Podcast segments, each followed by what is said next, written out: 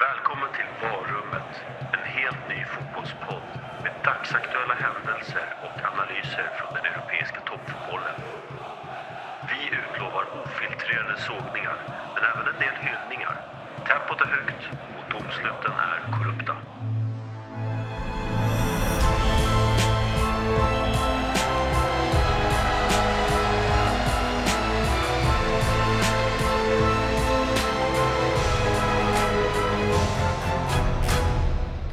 Ja, René, Hammarby fick äntligen sin efterlängtade Svenska cupen, eh, Svenska cupen-titel efter eh, fyra försök. Det här var det fjärde försöket som de har varit i final. Eh, och de tre tidigare tillfällena har de misslyckats. Men nu med kniven på strupen för Stefan Billborn och gänget så lyckades man till slut bärga ett Svenska cupen-guld. Fjärde gången gilt. Fjärde gången gilt blev det. Och det var ju en fruktansvärd match kan vi väl säga på rak arm. Den var så tråkig eh, och så eh, händelsefattig och tempofattig och eh, värdelös som en 0-0 match bara kan vara. och, Men sen, eh, mm. sen blev det intressant för sen gick det till straffläggning och det blir alltid intressant.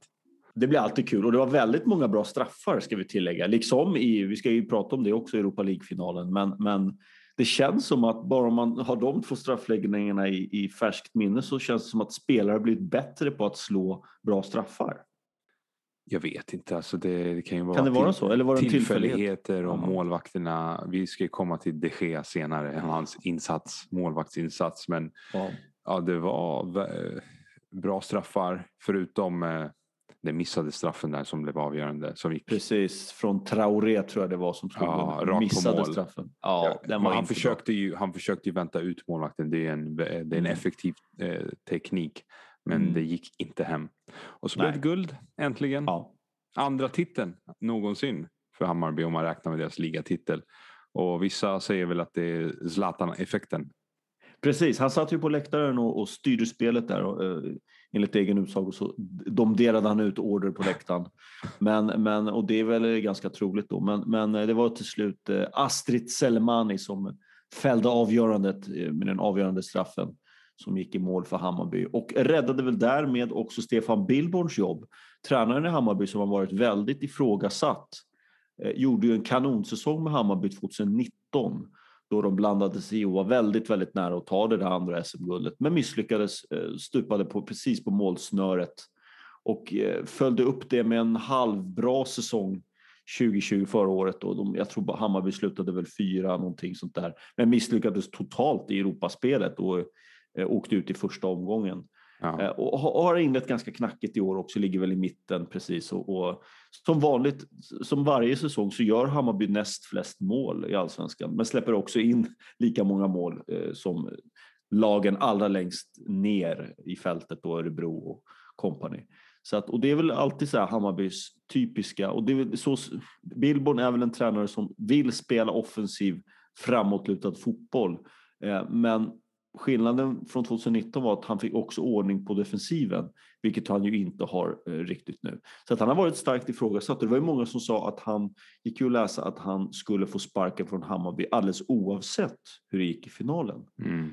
Eh, men jag tror ju att kuppen ändå, tänk ändå att han är den andra tränaren någonsin i Hammarbys historia som lyckas ta en titel. Och, och det gör nog att han räddar den här säsongen. Du säger, du säger, så men eh, Sören Kratz blev, blev avskedad efter att ha vunnit en ligatitel, deras ja, enda. Så, ja, så man vet aldrig med Hammarby. Men nu har väl Zlatan också ett finger med i spelet när det gäller att eh, sparka och rekrytera tränare. Så mm. han kanske får stanna. Och nästa säsong kommer väl Zlatan tillbaka. du han? Han uttalade sig väldigt positivt om, eh, ja, om Hammarby som lag och kanske öppnade dörren lite på glänt där. Att, eh, för att eh, spela i Hammarby eventuellt. Om han platsar? Ja men kom igen. Sluta. det var han själv som sa det. ja, nej, nu håller han på bara. Han raljerar. Men jag kan tänka mig, men hans slitna kropp som man ändå får säga, så hans sargade liksom, eh, benstruktur och knän framför allt. Jag undrar hur de mår på ett konstgräs faktiskt. Det, det, är väl det som gör mig lite orolig. Och det har ju Granqvist också eh, pratat väldigt mycket om att det är förmodligen konstgrässpel som har gjort att som har slitit ordentligt på hans ljumskar. Och det vet mm. ju vi som har spelat mycket på konstgräs att det är slitsamt. Jag har ju dragit av ett korsband på, på konstgräs och du har ju dina skavanker eh, till följd av detta plastspel också. Då. Men, men ja, jag är lite orolig, men, men eh, han kanske fixar det där, den gode Zlatan. Ja. Det skulle vara väldigt kul att få se honom eh, i Hammarby nästa säsong med publik förhoppningsvis också. Då måste ja, vi nästan gå, och, gå på några matcher. Ja, absolut, men ja, det är kul för Hammarby att få, mm. få en till titel i sitt eh, ganska ja, to tomma eh, troféskåp, eller hur? Verkligen. Att jämföra med Tottenham kanske, dina antagonister. Ja, ja Tottenham Där är väl ännu, ännu mer tomt. Ja, ja, så är det. Ja. Eh, verkligen tomt. Men grattis Hammarby får vi väl säga och alla Hammarbyare. Eh, även om matchen inte bjöd på någon eh, större behållning så är en titel alltid en titel och det är trots allt någonstans det folk kommer att komma ihåg även om finalen var lika spännande som en Eurovision-festival ungefär. Mm.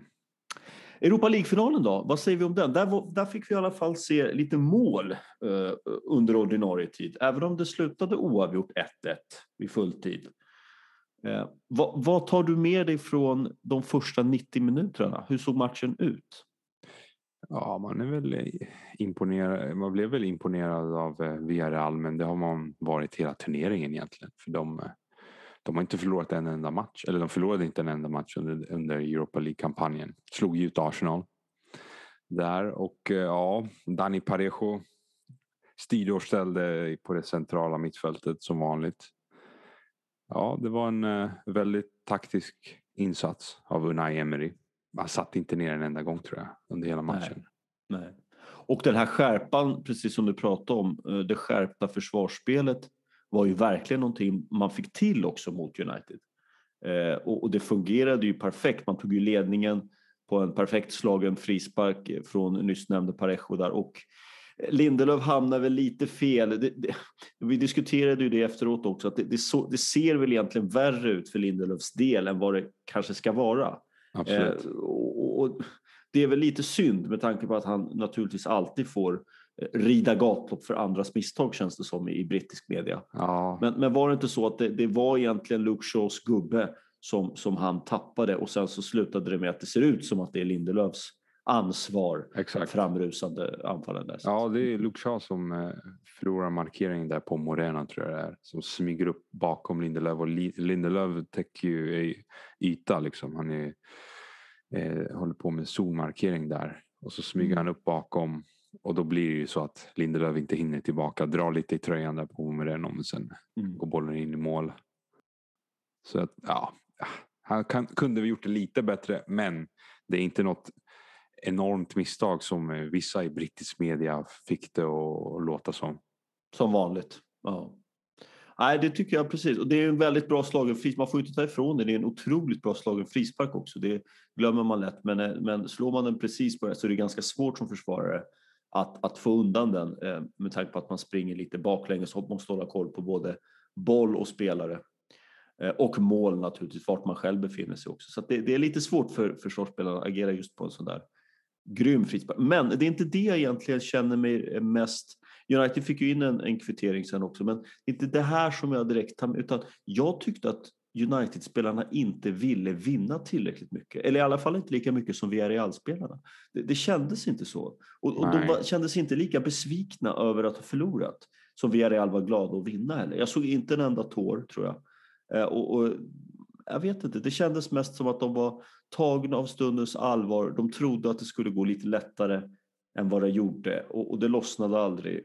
Och så var det straffar. Där gör man en bra straffläggning och så har man de Gea i mål som inte gör.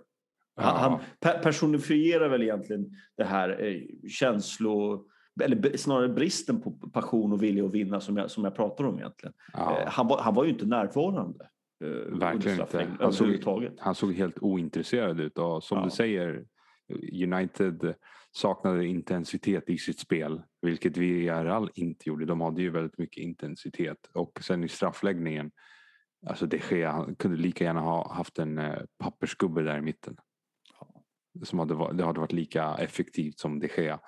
Och alla vet ju att de Gea inte är någon, eh, någon mästare på, på att rädda straffar. Han har inte räddat en straff i United, uh, jag vet inte, sen, sen han kom. det, det, det, det, är en underdrift nästan. Alltså. Ja. Han, är, han är fruktansvärd. Han kan vara den sämsta straffskyttsmålvakten eh, ja. som finns, som går i ett par skor faktiskt, som äger ett par handskar. Eh, han är så ur, ur, urusel skulle jag säga. Och det i kombinerat med att han inte vill ta några straffar, det gör ju honom ännu mer usel. Så jag håller med dig, en, en pappgubbe eller en, en eh, ja, jag vet inte, en, en benlös Fabien Barthez hade gjort det bättre. Alltså det var, det var jättedåligt. Och, och jag tycker visst, det var väldigt bra straffar. Eh, Coquelins straff bara för att ta en, så att det ja. svider lite extra, en som spelade straff. Men alltså den är ju klockren, det går ju inte att slå den bättre. Han lägger den rakt upp i krysset. Eh, så, så det är klart att det, det finns inte målvakt som tar den, men alla straffar var inte av lika bra kvalitet som Coquelins. Då hade det varit omöjligt. Men man måste ändå försöka ta dem. Om man slänger sig åt en visst håll, försök sträck ut och ta den ordentligt. Många straffar gick han, eller några straffar gick han rätt på men var ändå inte där. Nej, helt ointresserad. Alltså det är... ja. Och han har längden, han har räckvidden. Ja, att, men han har inte självförtroende och det ser man. Han har inte självförtroende, nej. Och, och, och det kanske är det eh, viktigaste. Ja. ja. han är väl motsatsen till Handanovic när det gäller straffar. Ja, verkligen. Och sen satte ju han Rulli, satte ju eh, Villarreals målvakt, la upp den i krysset. Ja just det. Och då, då kände jag på mig när det sker, innan det sker skulle ta straffen så kände jag han missar det här, det är över nu. Så det var nästan, jag kände mig 99 procent säker på det. Och så ja. slog han straffen på lika anspråkslöst sätt som eh, han försökte rädda straffarna på. Ja, ja. Det, ja, jag vet inte vad jag ska säga men det, det, Det känns inte bra alltså med de Gea. Och jag undrar om det inte är så att de Gea borde i alla fall förlora sin plats eh, i startelvan i EM. Ja, men tanke på att han har varit bänkad större delen av säsongen eh, i United. Henderson har ju varit första, första valet i ligan. Ja, precis. Större delen av eh, säsongen. Så jag vet inte, kanske Unai Simon från Bilbao ja. borde ta borde ta startplatsen. Ja, de Gea kan gärna stå för, för vår del mot Sverige. Ja, precis. för svenskt eh, vidkommande är det ju väldigt fördelaktigt om man har de Gea mellan ja. stolparna. Eh, framförallt om vi får en straff. Eh, då trevar väl, trevar väl förmodligen Granqvist fram där och sätter dit den. Han har gjort det förut. Om man startar, ja. Om Nej, Larsson... men det, det, det, vet vi att han gör. Det vet vi att han gör. Nej, Larsson är, ju, Larsson är ju första, första straffskytt i svenska landslaget. Ja, så, så, är det ju i och för sig. Eh, jag tror i och för sig inte att Sebastian Larsson heller kommer att starta. Eh, och då blir det intressant att se vem som får lägga straffarna då. Eh, det blir väl Forsberg kanske? Det eller Alexander Isak, jag vet inte. Tror, är han en straffskytt verkligen? Ja, ja han... Alltså, han, är, han är en anfallare. Han, gjort, han gjorde ju 17 mål i, i spanska ligan. Så jag tror nog att mm den som har bäst självförtroende i svenska landslaget just nu när det gäller att avsluta är nog Alexander Isak. Mm. Eller hur? Alexander Isak, ja, skulle kunna. Jag tänker på Lindelöf. Jag blev ju jätteförvånad att han var tionde man i straffläggningen. Ja, tog... Det var vi båda två. Ja. Han ville inte ta någon straff som. Var... Nej, nej, nej. Är man ju... tionde man så är ja. man ju verkligen inte satt högt upp på listan så att säga över att ta straffar. Då. Men Ja, jag kände att det var lite konstigt. Jag kommer ihåg att han gjorde ju mål i eh, EM-finalen, u EM-finalen mot Portugal la en otroligt bra straff. Men det, det, är nog så att han, han har inte riktigt samma självförtroende i United. Han blir väldigt starkt ifrågasatt och hans plats blir ifrågasatt och det ryktas ju om att man tittar på komplement då till ja. Maguire som ju är hela Englands eh, kelgris fast ingen annan utomstående förstår det. Eh, så är det tydligen så. Och, och det är Lindelöf som ska flytta på sig. Så jag tror att det spelar roll, att det är en självförtroendesgrej. Han har inte samma pondus och självförtroende som man har typ i landslaget eller som man hade i eh, Benfica till exempel. Ja, absolut. Eh, så det, jag tycker det är synd. Men det kan ju vara så, du vet, beroende på atmosfären i laget. vi kan ju ta, nu är det här en tränare och inte en spelare, men om vi tar Unai Emery som exempel. Eh, Unai Emery gjorde ju det briljant när han var i Sevilla. Han vann Europa League tre säsonger på raken. Eller hur? Ja, och så gick han till PSG och där gick det inte alls bra, eller hur?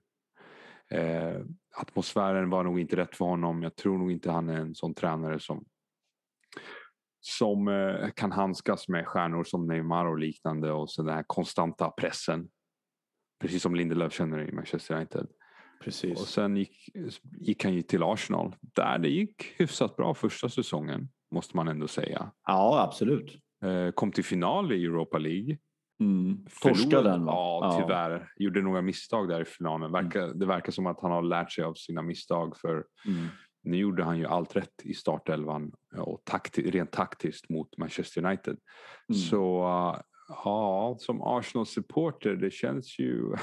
Man är lite kluven för jag minns ju när Emery tränade att man ville ha en bättre tränare än Emery. Minns jag. Precis. Och andra säsongen då gick det lite knackigt där i höst på hösten och tänkte man kan vi inte bara byta tränare, vilket man gjorde. Men så fick man in Arteta. Ja, precis. Och det ironiska är att Frälsaren.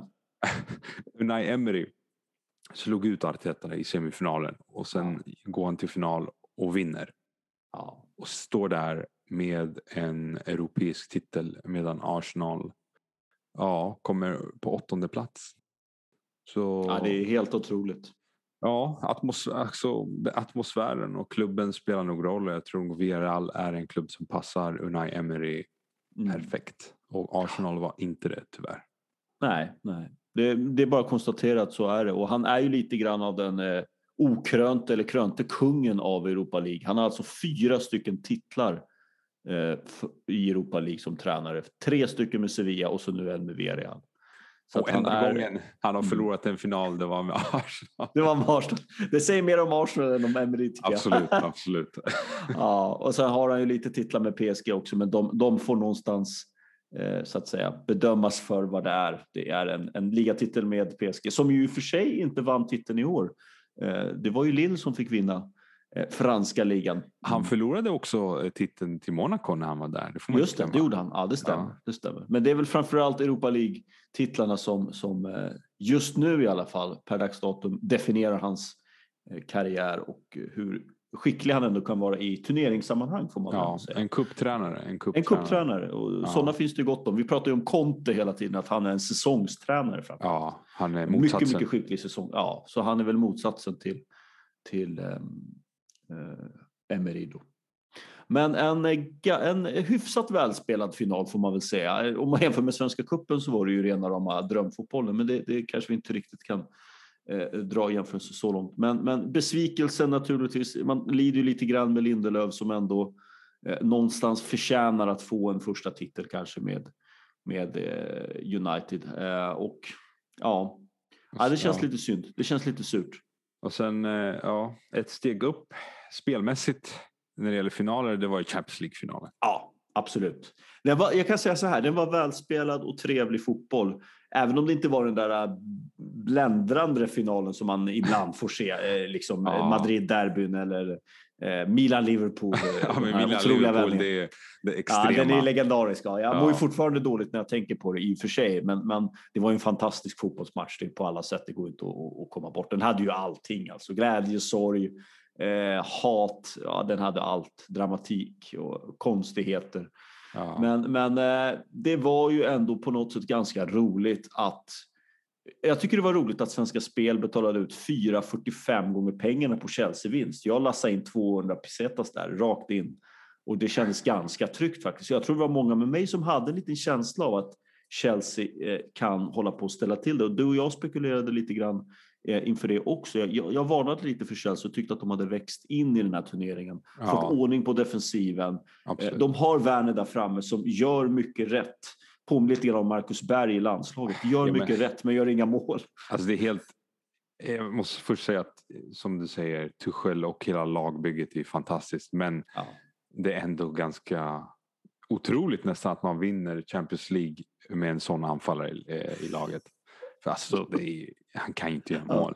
Ja. Nej, det, nej. det är helt sjukt. Alltså, det är någon det... slags blockad, alltså det har blivit ja. någon slags, eh, jag vet inte vad det är, det, det, det, det är förstoppning, det, det är en eh, mental förstoppning alltså hjärnan. Alltså han, jag tror att det är mentalt, för fotbollsmässigt är han ju där, han springer rätt, han löper rätt, han, han spelar rätt, han gör allting rätt men han kan inte göra mål. Nej, han, det är helt när, otroligt. Det kom, när det kommer till att avsluta då blir, är det nästan som att han förvandlas till en amatörspelare. Och nu överdriver jag inte ens. Utan det är verkligen på den nivån att han gör allting rätt, han rör sig bra, får, tar emot bollen.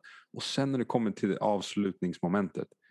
Det är bara som att allt åker ut genom fönstret, allt han kan. Så, jag vet inte, men de, det tyder väl ändå på att fotbollen är att den verkligen är en lagsport eftersom Chelsea vinner Champions League fast en deras anfallare, den som ska göra målen, inte gör mål. Mm. Nej, precis. Jag håller med. Och det är lite roligt också. Det saknas ju inte alternativ i Chelsea, men han får ju förtroende varenda match. Han startar varenda match, han spelar varenda match. Tysk. Eh, ja, naturligtvis kan man ju spekulera i det naturligtvis att eh, Tuchel är tysk, liksom Werner. Men man har ju ändå Tim, Tim Abraham, har man, man har eh, Olivier Giroud på bänken. Alltså två stycken ganska bra anfallare som hade gått in i startelvan i ja, de flesta lag skulle jag vilja säga i Premier League, eh, inklusive mm. Arsenal och definitivt i Milan.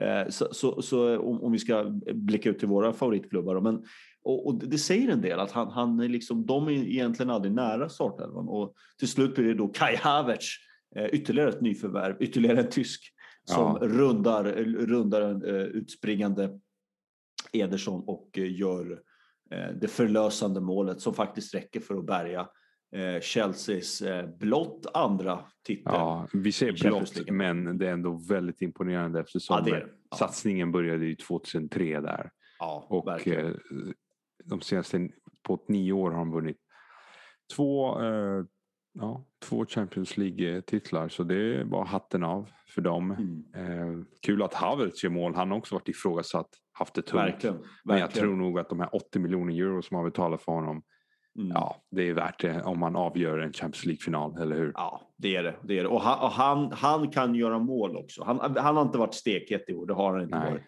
Men han har sett betydligt bättre ut sen Tuchel kom till laget.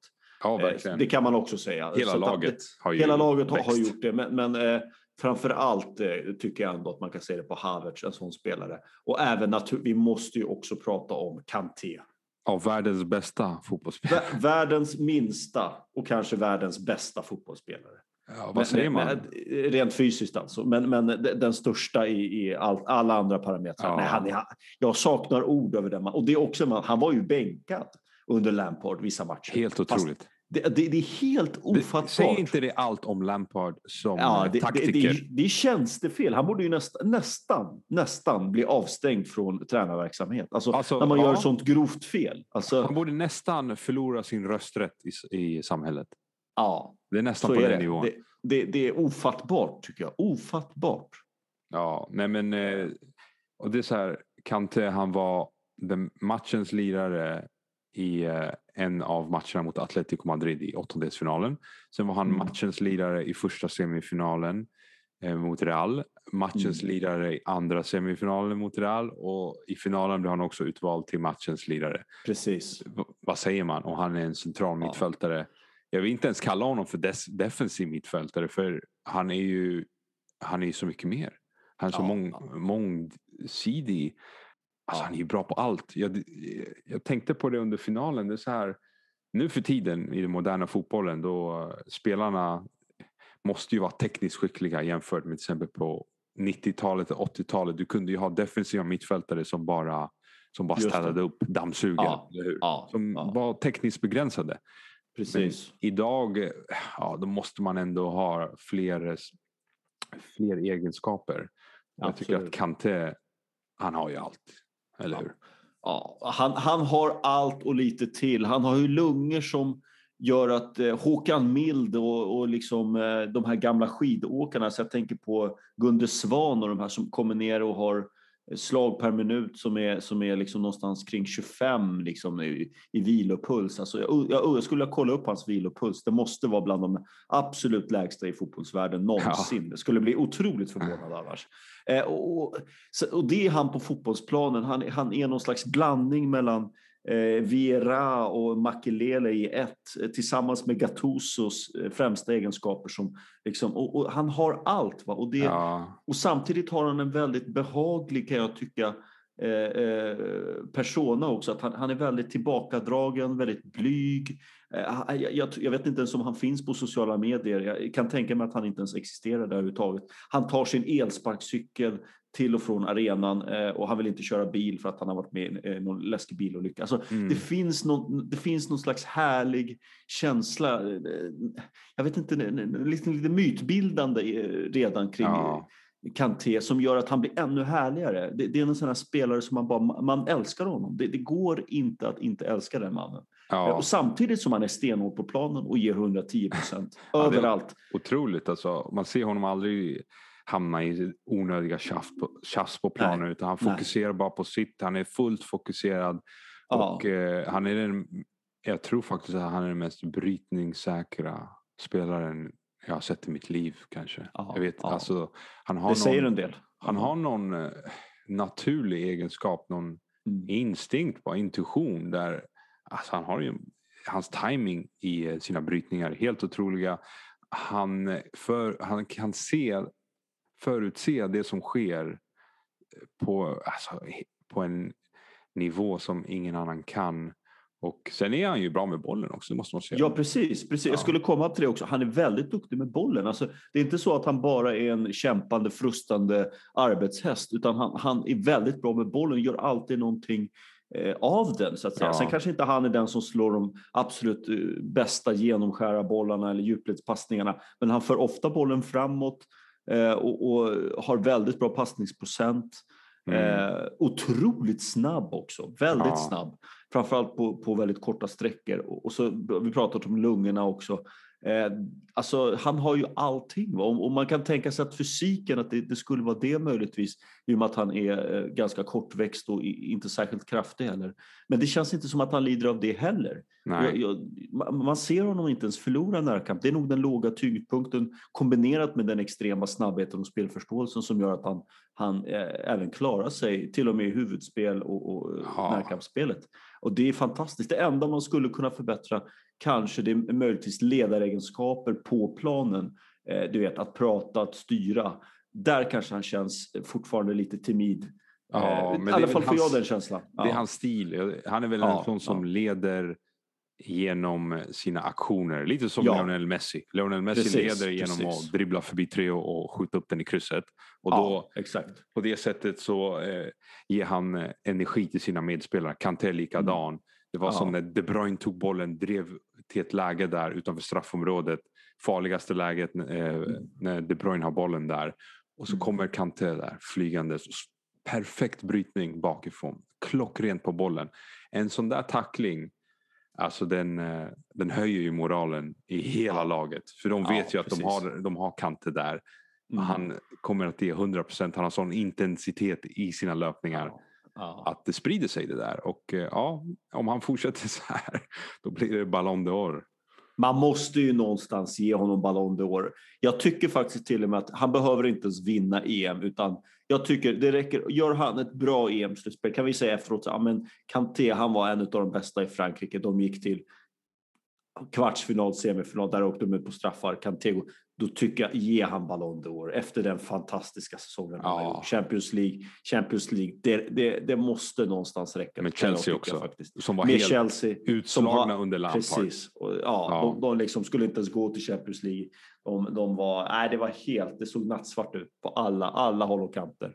Ja. Eh, och, och, och, jag menar bara titta på Kantés meriter. Alltså. Han vinner, det börjar med att han vinner Premier League med Leicester City säsongen 2015-2016.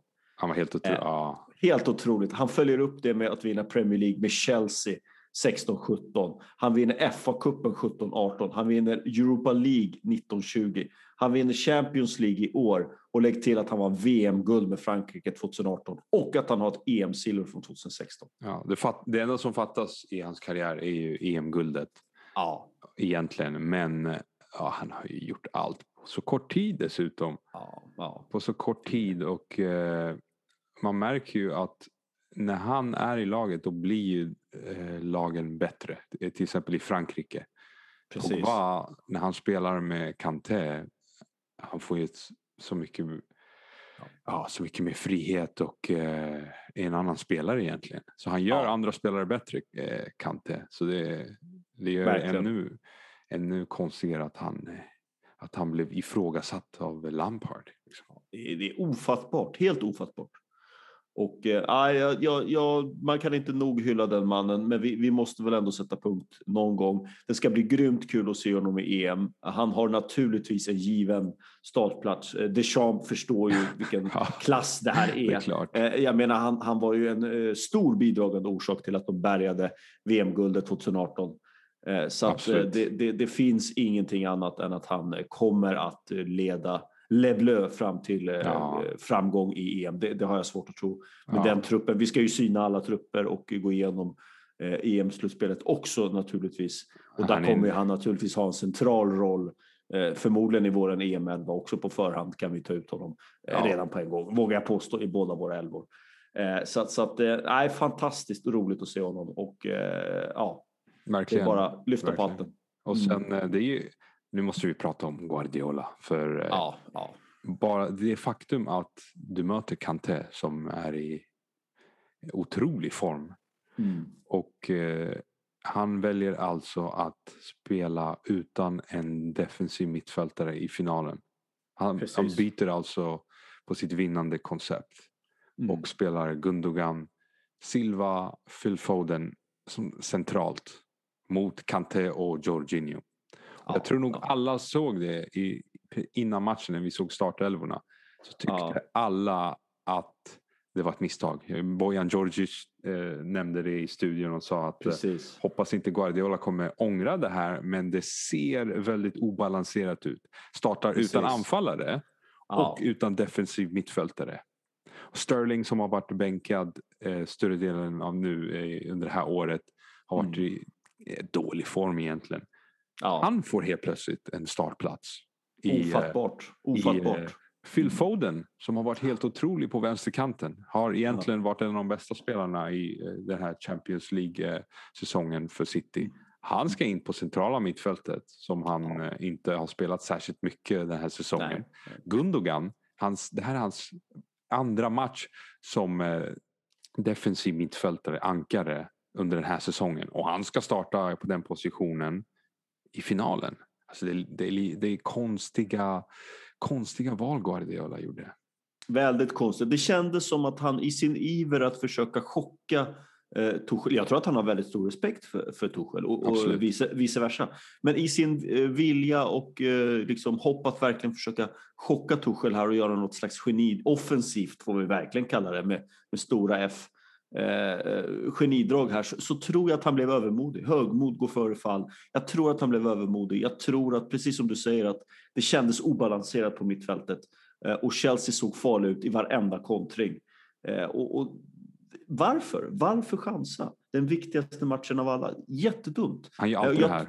Ja, han gör alltid det här och jag tror att han ville som sagt chocka och få något slags offensivt eh, övertag eh, på, på, Chelsea. Och jag tycker att eh, City började väldigt bra. Absolut. Man kanske till och med var det starkaste laget eh, första 2025. Men sen så, jag vet inte, det kändes alltid som att Chelsea hade eh, en, en, en var alltid en kontring ifrån ett ledningsmål. Och det, mm. det, det, blev ju så också, kontring som blev fallet. Så att, nej, det var en väldigt onödig risk i en, en eh, match man absolut inte ska ta risker i, kändes det som. Ja. Och jag måste också säga en till sak, en annan nyckel. När Kevin De Bruyne går ut skadad, då blir det väldigt svårt att hämta upp detta.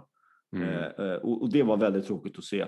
En, en lirare som blir totalmanglad av Rydiger. Kanske inte var meningen, men det var väldigt eh, jobbigt för City. Och där ja. och då var det nog inte många, ens City-fans, som faktiskt trodde att det här skulle kunna gå att bärga.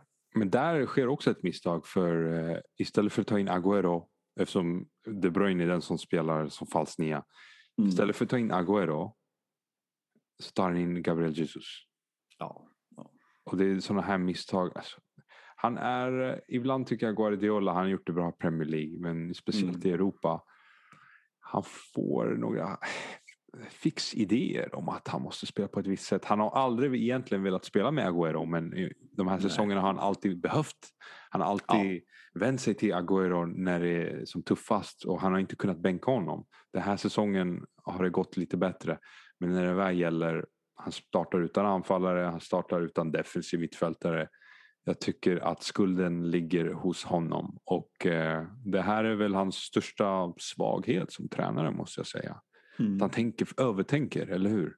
Ja, han, han, jag tror precis. Han blir överambitiös, han övertänker situationen och försöker göra någonting eh, för att, så att säga, skaka om motståndarna. Eh, men, det, det, slår bakut eh, och gör att det drabbar laget och slutligen hon själv också. Så jag tycker att absolut att man får lasta eh, Guardiola, naturligtvis inte för allting, men, men eh, jag tycker ändå City gör en helt okej okay final. Uh, även om de torskar. Och ja. De skapar en del chanser. Mares har ett jätteläge på slutet. Skulle mycket väl kunna gått in uh, ett långskott. Men, men nej, till syvende och sist så är det ändå de taktiska bitarna som jag tycker det, det gäller för tränarna att skapa rätt förutsättningar för spelarna att angripa en match och det tycker jag inte Guardiola gör eh, lika bra som Tuchel.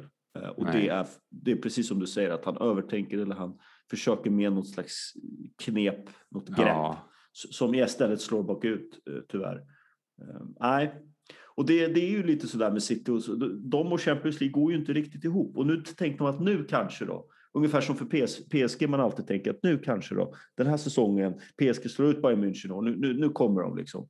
Eh, men det är lite samma sak med City känner att nej, de är inte riktigt där när det verkligen gäller. Jag vet inte om det sitter i klubben eller tränat någonting, men det nej. Man måste det, dock det, förlora en final innan man vinner. Så är det. Är det. Ja, Chelsea, Chelsea förlorade 2008 och sen vann Sant. de 2012. Det här var deras ja. tredje final. Historiskt sett så var de mycket mer förberedda. Hela klubben som institution har ju gått igenom eh, den processen. City har aldrig gjort det. De senaste Precis. alltså första finalisterna, de senaste sju gångerna då vi haft första finalister i Champions League har de förlorat.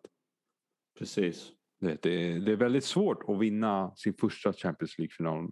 Det, mm. det krävs mm. nog att man måste man måste ta smällen och förlora för att sedan lära sig eh, hur man vinner. Och jag tror nog Verkligen. Guardiola behöver, behöver ta den här förlusten och ransaka sig själv och tänka mm. varför. För han kom med ursäkter i presskonferensen. Mm. Han sa att det här var, eh, tog ut det här laget för jag trodde det här skulle vara det starkaste laget för att besegra dem. Men jag, han, han gjorde misstag. Ja. Och, eh, han måste man, väl... måste också, ja, man måste kunna se också om man, när man gör fel måste man naturligtvis kunna erkänna att man gör fel också. Och bara en liten parentes också att han har vunnit Champions League förut, två gånger med Barca. Men vad hade han för lag med Barca? Alltså, ja, ja, han hade ju... jag, jag, jag, tror att det var Zlatan som sa att min farmor kan vi coacha Barca. Eh, och vinna med det där laget. Jag menar, det, det, säger en del. Jag menar, då behöver, all respekt för City, det är ett fantastiskt fotbollslag och det han har gjort med dem den här säsongen, alltså eh, kvaliteten han har skapat i, i försvaret framför allt. När han tog in eh, Ruben Diaz till exempel som har varit otrolig, alltså, helt mm. otrolig, även i Champions League. Eh, och man vinner ju Premier League helt överlägset, som många säger är det bästa ligan i världen. Eh, och, och, så att han har gjort en kanonsäsong, inte ta Men man har liksom råd att göra något halvdant taktiskt misstag när man har Barcelona. Ja. Den, den upplagan liksom 2008-2009, liksom, det, det, det, är okej okay när man har Exakt. spelare som Messi, Ronaldinho som han släpper. Och även Henke Larsson naturligtvis.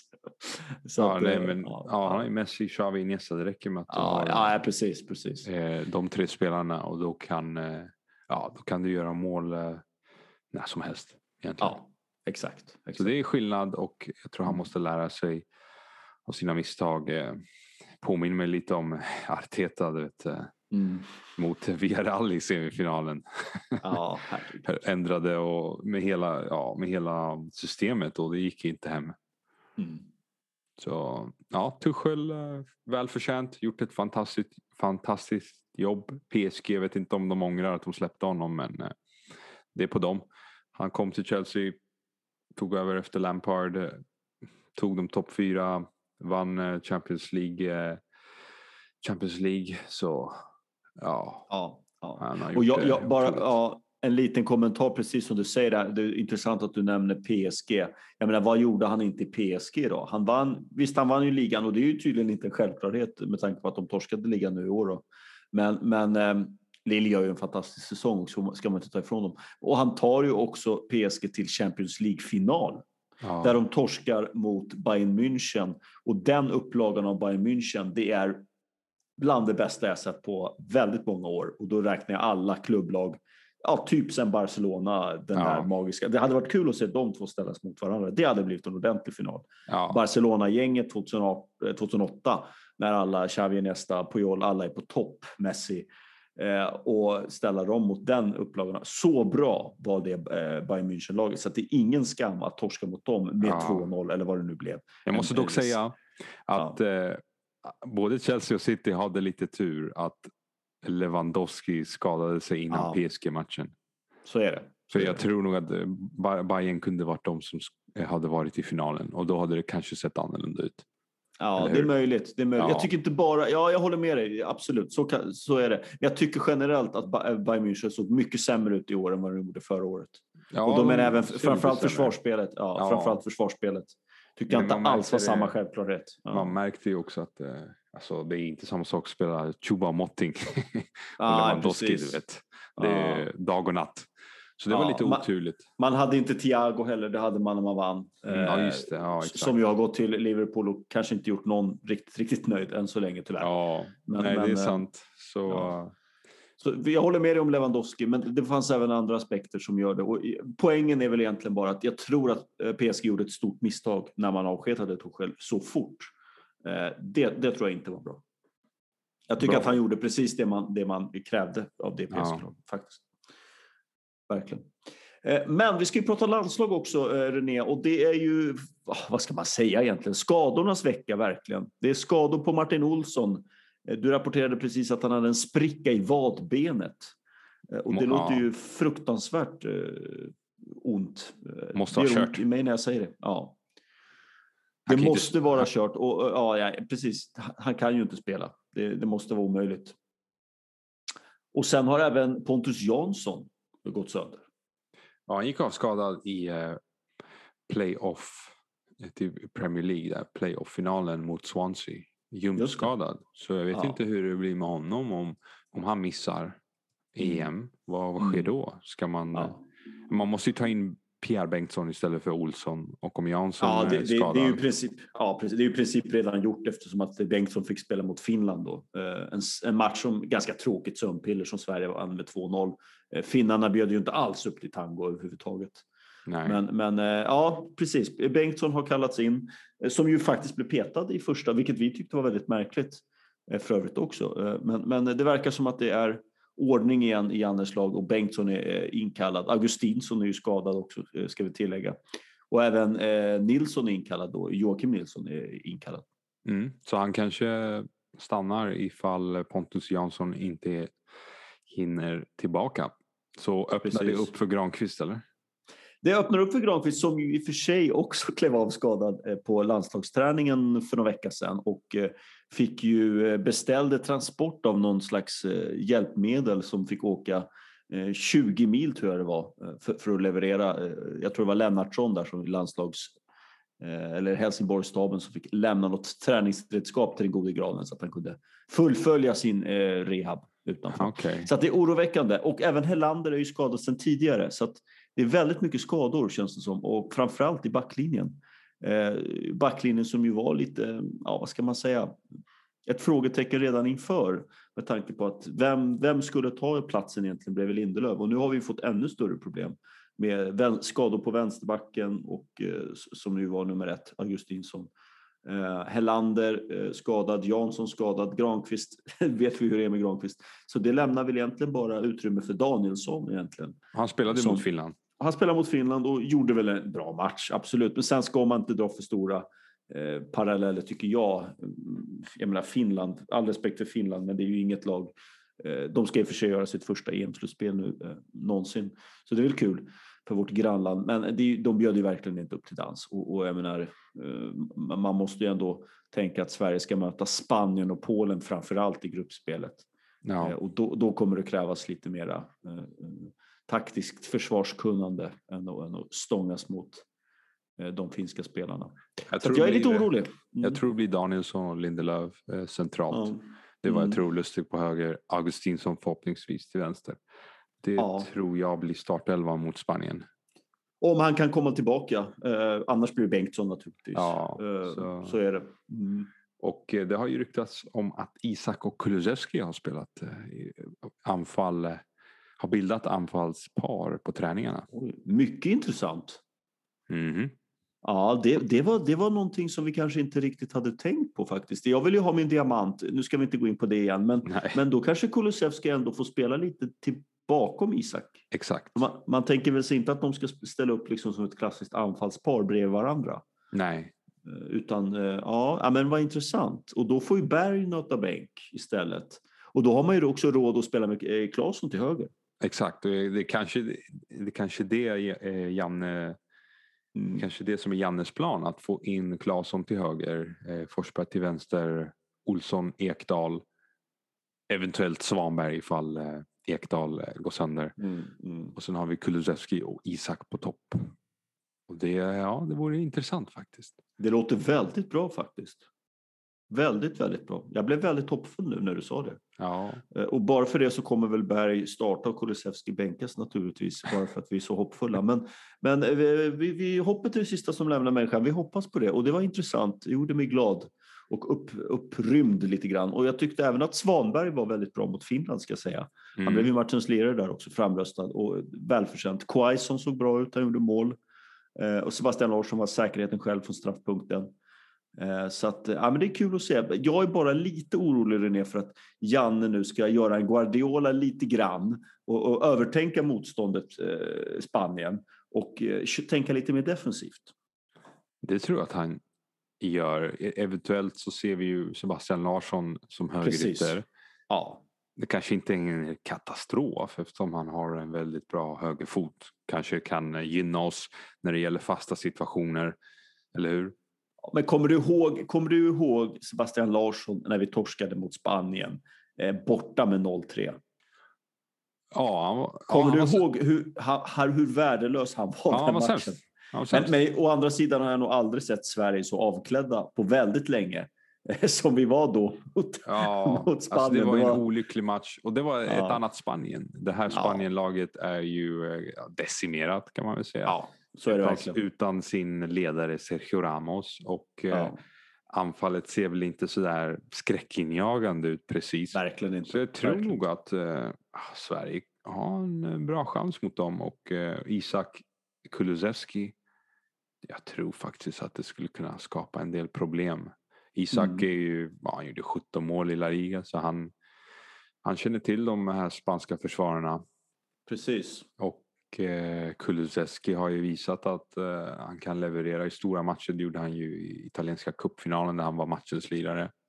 Mm. Så ja, jag känner mig också hoppfull, lik dig. Ja, jag hoppas ju verkligen det eh, också. Eh, men som sagt, vi får se. Eh, det, kan, det, finns eh, möjlighet att Janne väljer att starta istället med Berg, Isak på topp och Sebastian Larsson till höger. Det hade jag inte känt mig lika underhålla. Under, jag hade inte tyckt att det var lika bra. Det känns inte lika underhållande. Men, men å andra sidan så brukar Janne veta vad han gör i, i de här matcherna och han vet ja. ju att kan man ta en poäng mot Spanien Även om det är ett decimerat Spanien som, som är inne i ett generationsskifte och saknar många av sina stora eh, stjärnor. Bara en sån sak, eh, jag såg att Adama Traoré, en spelare som vi har hyllat, var uttagen i den spanska truppen. Säger väl en del ändå. Eh, har haft lite svårt att ta en tröja i Wolverhampton. Ja. Eh, så att, och, och, det skrämmer mig också lite grann. Tänk att starta med Adama Traoré på en kant. Vad brukar han starta, vänster eller höger? Hö, han är höger. Hö, högersidan. Då är det Pierre Bengtsson som får ta hand om honom. Ja. Det känns inte jättetryggt. Ja, men han är bara hype alltså. Eh, Adama Traoré. Han sluta. är bara snabbhet och eh, explosivitet. Han har, ja, han har ju bra inlägg. Han har jättebra inlägg. Han har, vad har han den här säsongen? Noll mål, en assist. Ja. ja, han har inte varit en poängspelare i år, det kan man inte säga. Så det är mycket hype Nej. kring honom. Alltså. Ja, det är det, det är det. Det är väl fysiken där som är hans stora styrka, snabbhet som du säger egentligen. Men, ja, det skulle ja. vara kul att, att se honom stångas lite med Pierre Bengtsson. Eh, men eh, ja, vi får se. Jag är lite som sagt orolig. Däremot så, så håller jag med dig. Spanska truppen ser inte särskilt eh, vass ut överhuvudtaget. Om vi börjar med målvakterna så har vi ju de Gea som vi redan har pratat om. Känns ju inte som att man är livrädd för honom direkt. Och anfallet, där är väl Morata som är den farligaste kandidaten tillsammans med Oyarzabal, ja. Isaks kompis i Sociedad. Ehm, ja, vi får se. Sarabia är uttagen också från PSG. Mm. Thiago Liverpool finns på mittfältet. Ja, mm, nej. Inga dåliga det, spelare. Alltså. Inga dåliga spelare. Jag menar, sen har man Fabian Ruiz, Napoli, Koke, Atletico, Madrid, Rodri, City och Busquets uttagen i Barca också. Så att, ja, vi får se. Det är inga dåliga spelare, men Nej. det känns inte omöjligt att kunna, kunna gneta till sig en poäng, poäng och därmed en väldigt bra start. Jag vill ha tre poäng. Du vill ha tre poäng till och med? Ja, det är vad jag vill ha. Det är, det är ja. min dröm. Ja. Vi får se. Du är lite överoptimistisk tror jag kanske. Ja, jag hoppas på 1-0 Sverige, Alexander Isak. Ja, det vore ju fantastiskt alltså. Mm. Ja. ja. vi får se. Uh, är det någon gång som Sverige ska stå Spanien så kanske det är uh, just i år. Uh, det får vi se. Och jag menar, annars, vi har ju pratat om skador. Nu har vi ju tack och lov inte fått några skador, bortsett från Zlatan då, i, de, i den framåtlutande delen av truppen. Men annars kan vi alltid kalla in the gode Gudetti, eller vad säger du? Ja, herregud, tänk dig. Om vi skulle behöva förlita oss på Gudetti i, i det här slutspelet. Ja, med sina fem inhopp och blott ett mål i årets eh, oj, oj, oj. La Liga. Ja, nej, det, karriären har inte gått så som han eh, hade hoppats på, tror jag. Mm, nej. Eh, och är det så att eh, han upplever att någon har hatat lite mycket på honom så kan man ju alltid få Eh, i brevlådan en liten blomsterbukett. Ja, just det. Ja, nej. Det är ju sådär att han, ja, han har ju liksom den här jag mot världen attityden, eller hur? Mm, Alla ja. är ute efter att eh, ja, dra ner mig i, eh, i gyttjan så att säga. Så det var väl att i någon intervju där, det var Olof, Olof Lund som uppmärksammade detta. Mm. Att eh, han och hans syster hade tänkt start, ja, starta en eh, blomsteraffär som skulle heta Flowers for Doubters. och där skulle man då skicka eh, alltså blommor till eh, alla sina hatare. Hey. som ett tecken på ja, att eh, hatarna har eh, haft fel helt enkelt. Men ja. tyvärr så har det inte gått så som han har velat, eller hur? Nej, precis. Men ty, ty, tyder inte den här idén på, jag menar Gudetti måste ju någonstans, någonstans vara Kantés eh, antagonist. Alltså de, de, är ju varandras motsatser mm. helt och hållet. Egentligen. Mycket snack liksom. Mycket, mycket snack på Gudetti, väldigt lite snack på Kanté.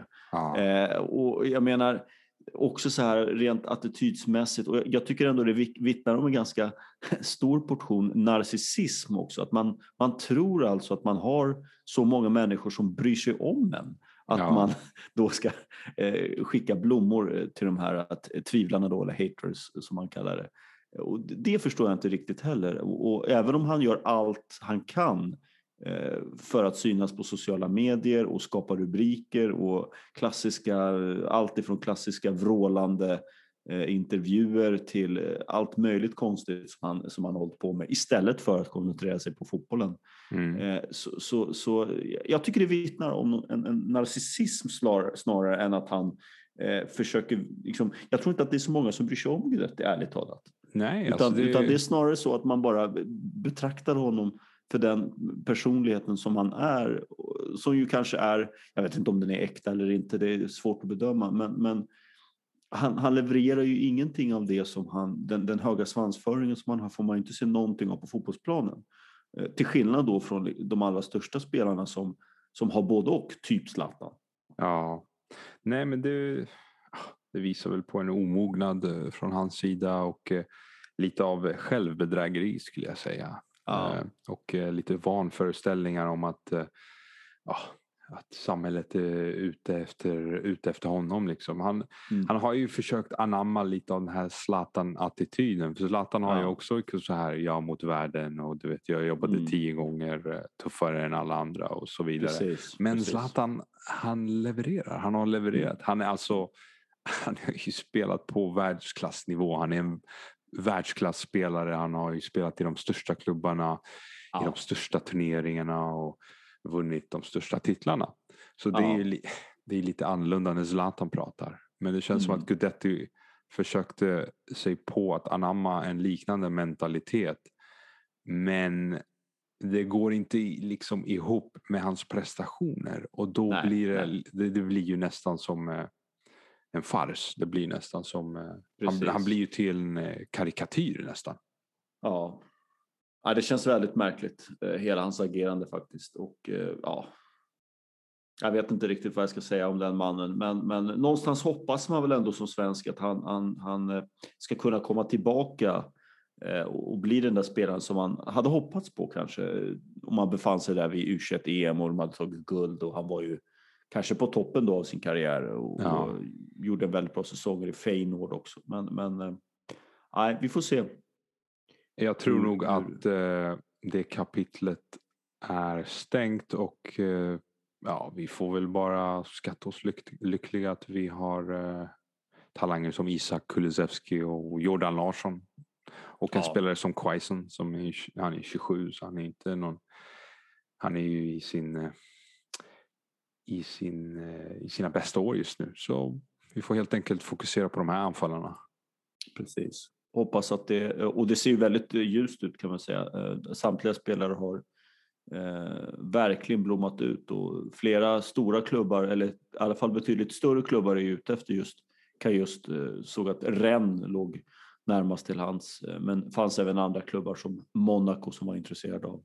Och Roma är intresserade av eh, Robin Quaison. Det vore något. Just det, Mourinho. ja, det vore roligt. Och även Xhaka ryktas ju till Roma. Det, det, gör väl inte dig besviken? Ja, vi, borde, vi, vi kan nästan avrunda detta avsnitt mm. med, med att göra en jämförelse helt enkelt. Mm. Och det jämförelsen som jag skulle vilja eh, vilja prata om är just eh, Xhaka och Kanté. Mm. För eh, som, år, sommaren då man köpte Xhaka köpte Chelsea N'Golo Kanté.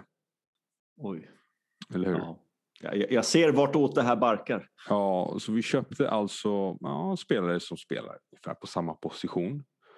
Och om vi tittar nu i, eh, efter, I backspegeln. Ja, i backspegeln så att säga så måste man väl säga att eh, Chelsea gjorde det smarta köpet. De köpte alltså honom billigare än vad helt, Arsenal köpte Xhaka för. Ja. Så det säger väl allt om mm. Eh, hur Chelsea sköts och hur Arsenal eh, hur missköts. Arsenal, ja, missköts av sina ägare. Man kan säga mm. vad man vill om Abramovic och ja, han är oligark, han är någon form av skurk eller okrare eller vad han är, nu är. Mm. Mm. Men ja, han bryr sig om klubben och ledningen som jobbar i Chelsea. De mm. har väl en bättre transfer policy. Verkligen. Än Arsenal som liksom har köpt Xhaka, hållit kvar honom. Fast en vissa, vissa säsonger har han varit ja, förfärlig. Helt enkelt. Ja. En bakåtsträvande mittfältare. Medan ja, Chelsea har en Golo Kanté som förtjänar Ballon d'Or egentligen. Och gör all, allt han gör ter ju sig väldigt självklart och det känns inte som att det finns några svagheter för den mannen överhuvudtaget. Eh, så att, ja, jag håller med. Mm. Det var ju rykten om att Kanté, Arsenal ville ha Kanté då den sommaren efter att Leicester hade vunnit ligan. Ja, ja. Nu vet jag inte om han eh, valde Chelsea. Det skulle ju vara ganska logiskt att välja Chelsea över Arsenal. Eh, men om det nu var så att man hade chansen att värva honom på riktigt mm. och istället valde att satsa på Xhaka. Det, det är nästan kriminellt. Ja, det, nej, det är det. Verkligen. verkligen.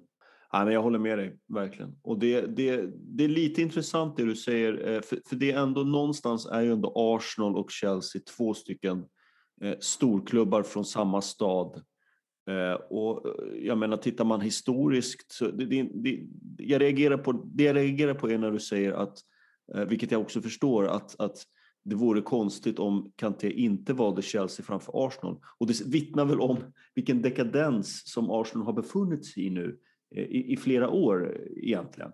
Mm. Och till och med innan Wenger lämnade, om, om vi ska vara riktigt ärliga. Ja.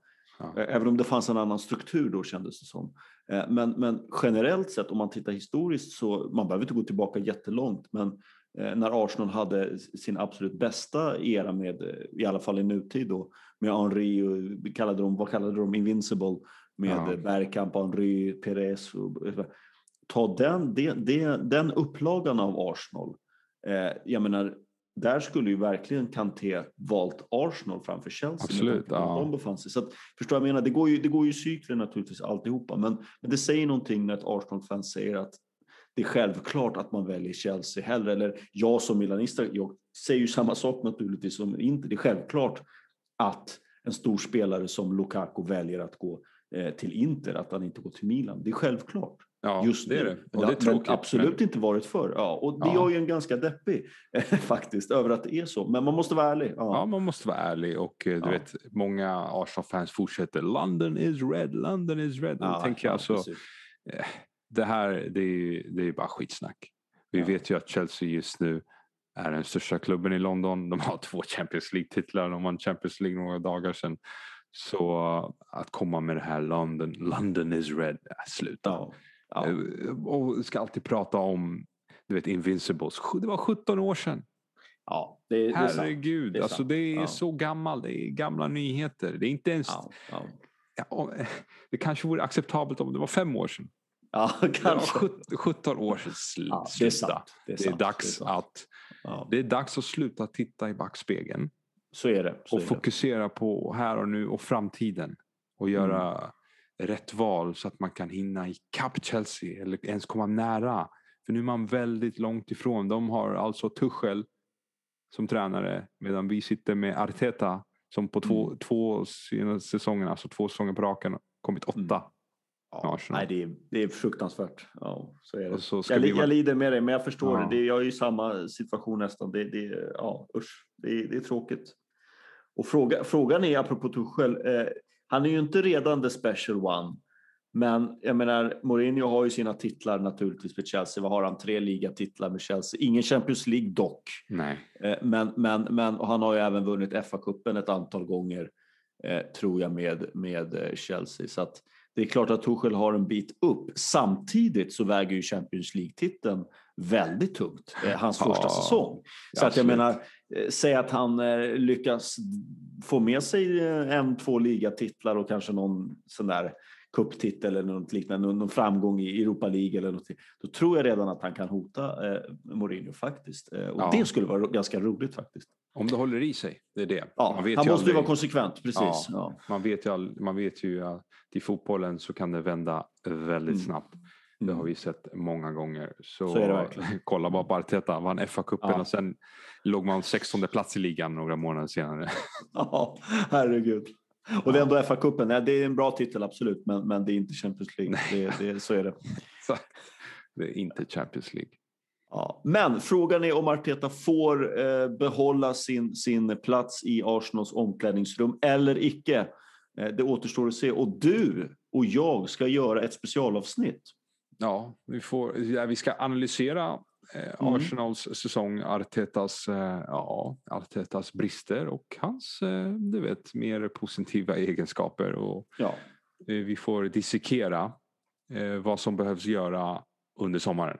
Ja, verkligen. Vad behöver man göra? Hur ska man rensa och bygga nytt för att detta Arsenal ska bli som för 17 år sedan, om inte bättre? Men vi kan väl börja med 17 år sedan. Det vore ja. fantastiskt. Ja. Make Arsenal great again. Ja, precis.